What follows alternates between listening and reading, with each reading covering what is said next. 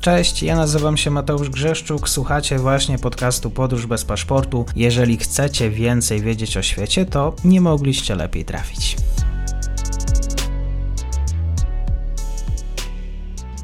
Dzień dobry wszystkim e, słuchaczom. Ze mną jest dzisiaj profesor Agnieszka Legucka z Polskiego Instytutu Spraw Międzynarodowych. Będziemy rozmawiać o tym, jak protestują e, Rosjanie, ci, którzy sprzeciwiają się wojnie na Ukrainie. Dzień dobry, bardzo mi miło. Dzień dobry, cześć, witam Państwa. Pod flagą biało-niebiesko-biało Rosjanie przeciw wojnie, również będę linkował Państwa do tego tekstu w opisie, bo rzeczywiście jest bardzo ciekawy. Tutaj pani profesor pisze, że rzeczywiście y, te środowiska, które sprzeciwiają się rosyjskiej inwazji, posługują się właśnie tego typu identyfikacją, już, więc na początku może y, zapytam, dlaczego akurat te kolory? Tak, to y, jest taka, taki symbol, nowy symbol, który wymyśliła taka berlińska artystka, która też uciekła z Rosji, jest, mieszka, mieszka w Berlinie. I bardzo szybko to się pojawiło w mediach społecznościowych i ona wykreśliła, jakby wymazała kolor czerwony z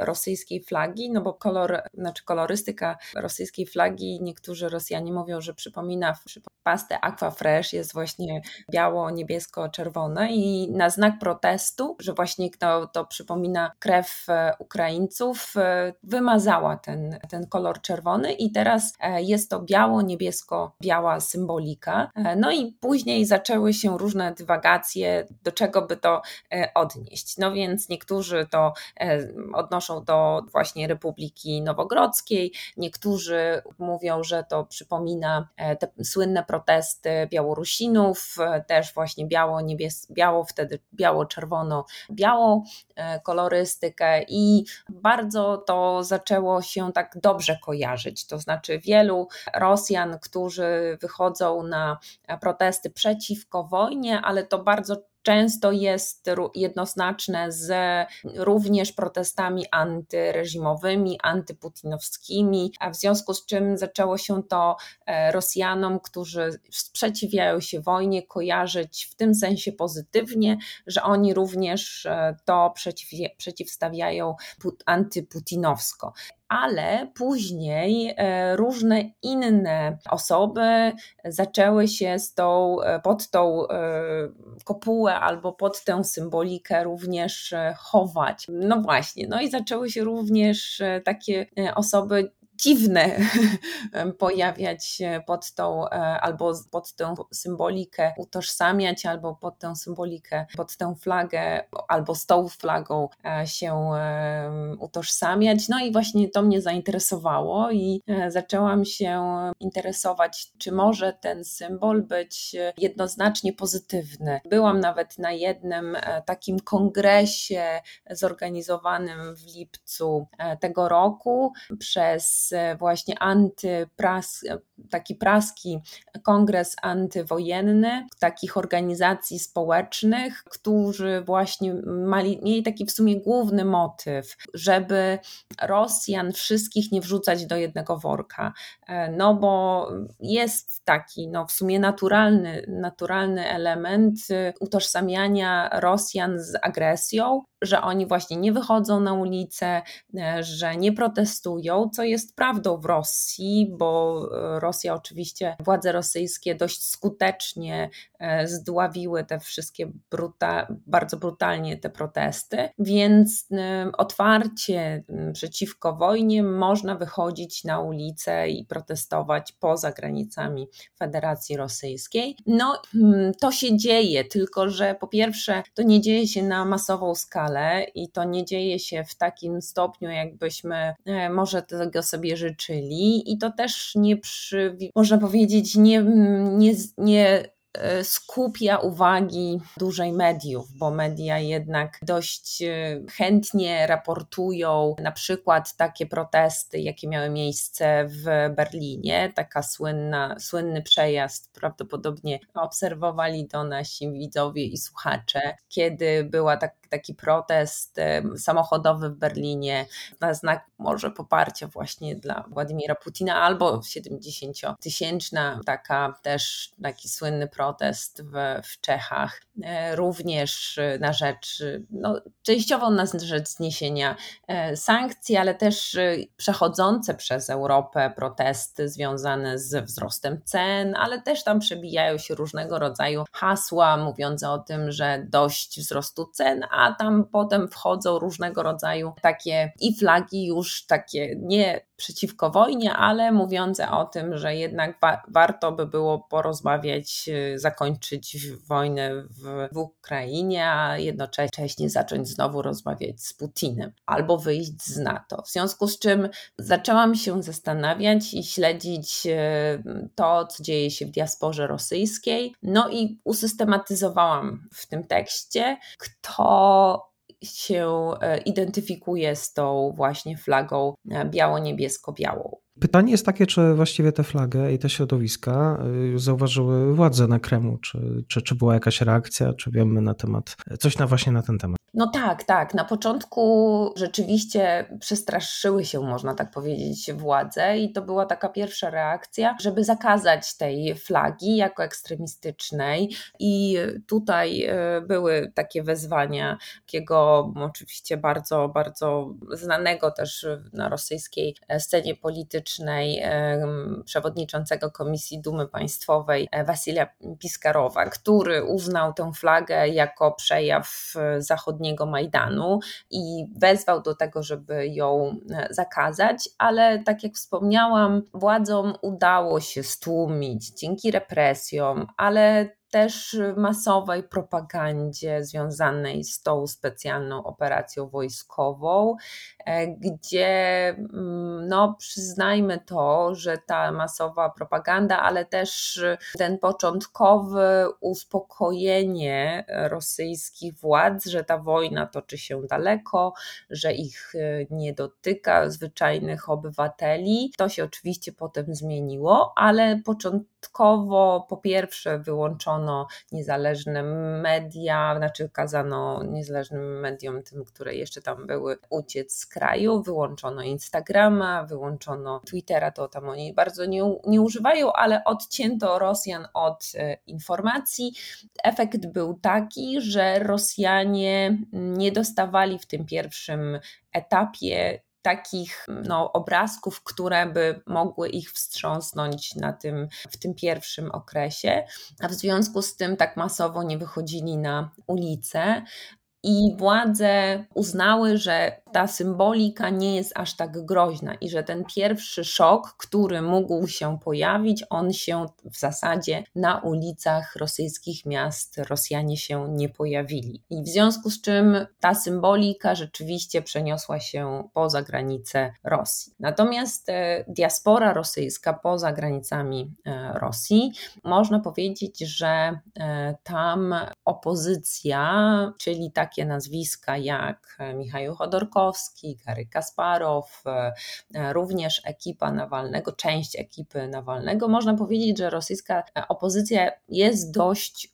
rozdrobniona albo nawet skłócona, można powiedzieć, są tak zatomizowana, e, to oni się zaczęli jednak jednoczyć, bo wojna w Ukrainie stała się takim e, katalizatorem, która i wymusiła trochę współpracę tej właśnie opozycji, dlatego że mieli wspólny cel. Tym celem była nie tylko współpraca w, w ogniu wojny, ale też cel taki, który był związany z tym, że że sytuacja w ogóle Rosjan w Unii Europejskiej, mówiąc tak ogólnie, może się pogorszyć. Wszystkich Rosjan, także mieszkających właśnie na Zachodzie. I ten wspólny cel mm, zaczął ich jednoczyć. Ale no to te różnice poglądów, no bo ta właśnie opozycja, ci mieszkający na Zachodzie Rosjanie, no bardzo się między sobą różnią. Mają różne pomysły też na to, jak tę Rosję urządzić, jeżeli coś się w niej zmieni po wszystkim, jakbyśmy tak mogli powiedzieć. E, w związku z czym ten cel, e, żeby ten wizerunek Rosjanina agresora się nie utrwalał tak mocno i żeby tych Rosjan nie wrzucać do jednego worka, przyświecał różnym powstawaniu różnych komitetów antywojennych. I lub inicjatyw antywojennych, których zaczęło powstawać bardzo, bardzo dużo. No i właśnie pod koniec właśnie lipca, e, przepraszam, pod koniec lutego powstał taki chyba największy, ja bym powiedziała, komitet składający się, którego inicjatorem były te wspomniane nazwiska tych opozycjonistów. Oni później zorganizowali taki, taką konferencję w Wilnie na przełomie sierpnia i września. Dość duży, bym powiedziała, taki, tak, taką konferencję zorganizowali. Tam omawiali właśnie kwestie, jak urządzić Rosję po wszystkim, jaką rolę w ogóle mają pełnić, jaką rolę ma pełnić diaspora, jaka przyszłość ma być dla Ukrainy, jak, jakie relacje między Rosją a Ukrainą. No i właśnie posługiwali się tym symbolem tej flagi biało-niebiesko-białej, e, co było dla mnie też wskazówką, żeby o nich rozmawiać. Ale wspomniany przeze mnie również ten kongres społeczny pokazał, przynajmniej dla mnie był takim świadectwem, że z jednej strony mamy opozycjonistów, którzy próbują się grupować i rozmawiać o przyszłości Rosji, a z drugiej strony mamy jakby organizacje społeczne, czy też organizacje pozarządowe, które też pomagają Ukraińcom, próbują też pomagać sami sobie, czyli Rosjanie pomagają Rosjanom tutaj w Europie, ale jakby nie słuchają się opozycjonistów. To jest dość ciekawe do obserwacji i też zakładają swoje komitety antywojenne, też, też zakładają swoje inicjatywy antywojenne. Te środowiska jakby się, niektórzy się kontaktują, przenikają, ale trochę takie są światy równoległe. Kolejną jakby grupą, też, też arcyciekawą, to są ochotnicy rosyjscy, którzy walczą na Ukrainie. I to jest e, kolejna grupa, która też identyfikuje się z flagą biało-niebiesko białą, która taki jest e, właśnie Legion e, Swoboda Rosji, tutaj byśmy przetłumaczyli to na wolność Rosji, którzy walczą po prostu, wyjechali z Rosji, zaciągnęli się do obrony terytorialnej Ukrainy i po prostu uważają, że żadne tam rozmowy, dyskusje na temat tego, jak urządzić Rosję, nic nie dadzą, tylko trzeba wziąć e, broń do ręki i aktywnie walczyć z Rosją e, i po prostu zrobić to po swojemu bo, bo jest jeszcze jedna osoba, która w moim przekonaniu wymaga e, szczególnej, szczególnej atencji, bo on e, jest osobą, z którą wszyscy, z którymi rozmawiałam, kazali mi e, się dystansować wokół tej osoby, a ta osoba będzie teraz organizować taki zjazd deputowanych w Warszawie, więc on wymaga w ogóle szczególnej uwagi. E, naszej, naszych Boże, słuchaczy, on zorganizował a, jest arcyciekawy, dlatego że e, on wypłynął e, na sprawie zabójstwa Darii Dugin, dlatego że w momencie, kiedy doszło do zabójstwa Darii Dugin, Ilia Ponomariow, który wystąpił na tle właśnie biało-niebiesko-białej flagi, powiedział, że mm, on był byłym deputowanym rosyjskiej Dumy i ogłosił, że za właśnie śmiercią Darii Dugin stoi niejaka armia, Narodowa Armia Republikańska, o której nikt specjalnie wcześniej nie, nie słyszał, a on tylko przekazuje informację, za, że za nią właśnie, za śmiercią Darii Dugin właśnie stoi ta e, Narodowa Armia e, Republikańska trudno to dowieść, nikt o, wcześniej o tej armii nie słyszał, natomiast on wypłynął na tym, to znaczy, ponieważ on to ogłosił, to wszyscy zaczęli o nim mówić. E, I jakby nie przedłużając długo tej kwestii, on ma bardzo takie radykalne poglądy na temat tego, w jaki sposób właśnie walczyć z Federacją Rosyjską. Głosi jej rozpad, y, chciałby umieścić stolicę Rosji gdzieś tam na Syberii. W sytuacji, kiedy teraz w Warszawie y, między 4 listopada a 7 listopada chce zorganizować taki zjazd deputowanych, wybory, e, przeprowadzić dla przyszłej Rosji. I właśnie na ten kongres, na tę Wilnię, na ten kongres organizowany przez ten komitet, przez ten komitet antywojenny tej opozycji rosyjskiej nie zaproszono go właśnie w, w sprzeciwie wobec tej całej sytuacji, że on głosił tę działalność, anty, tę działalność terrorystyczną zasadniczo, przynajmniej tak, go, tak to interpretowano. Natomiast on właśnie wypłynął na kwestii właśnie związanej z śmiercią Darii Dugin.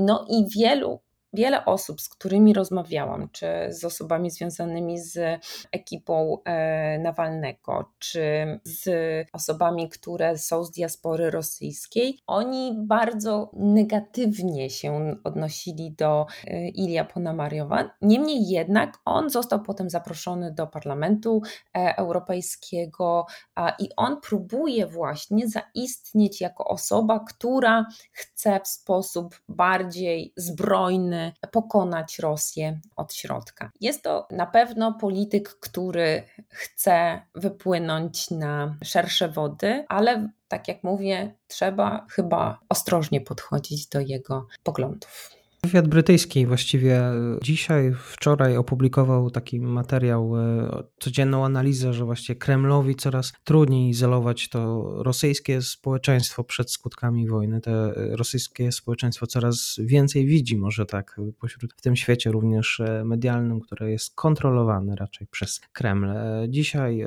o rosyjskiej opozycji, rozdrobnionej symbolu flagi biało-niebiesko-białej, profesor Agnieszka Legucka, bardzo dziękuję.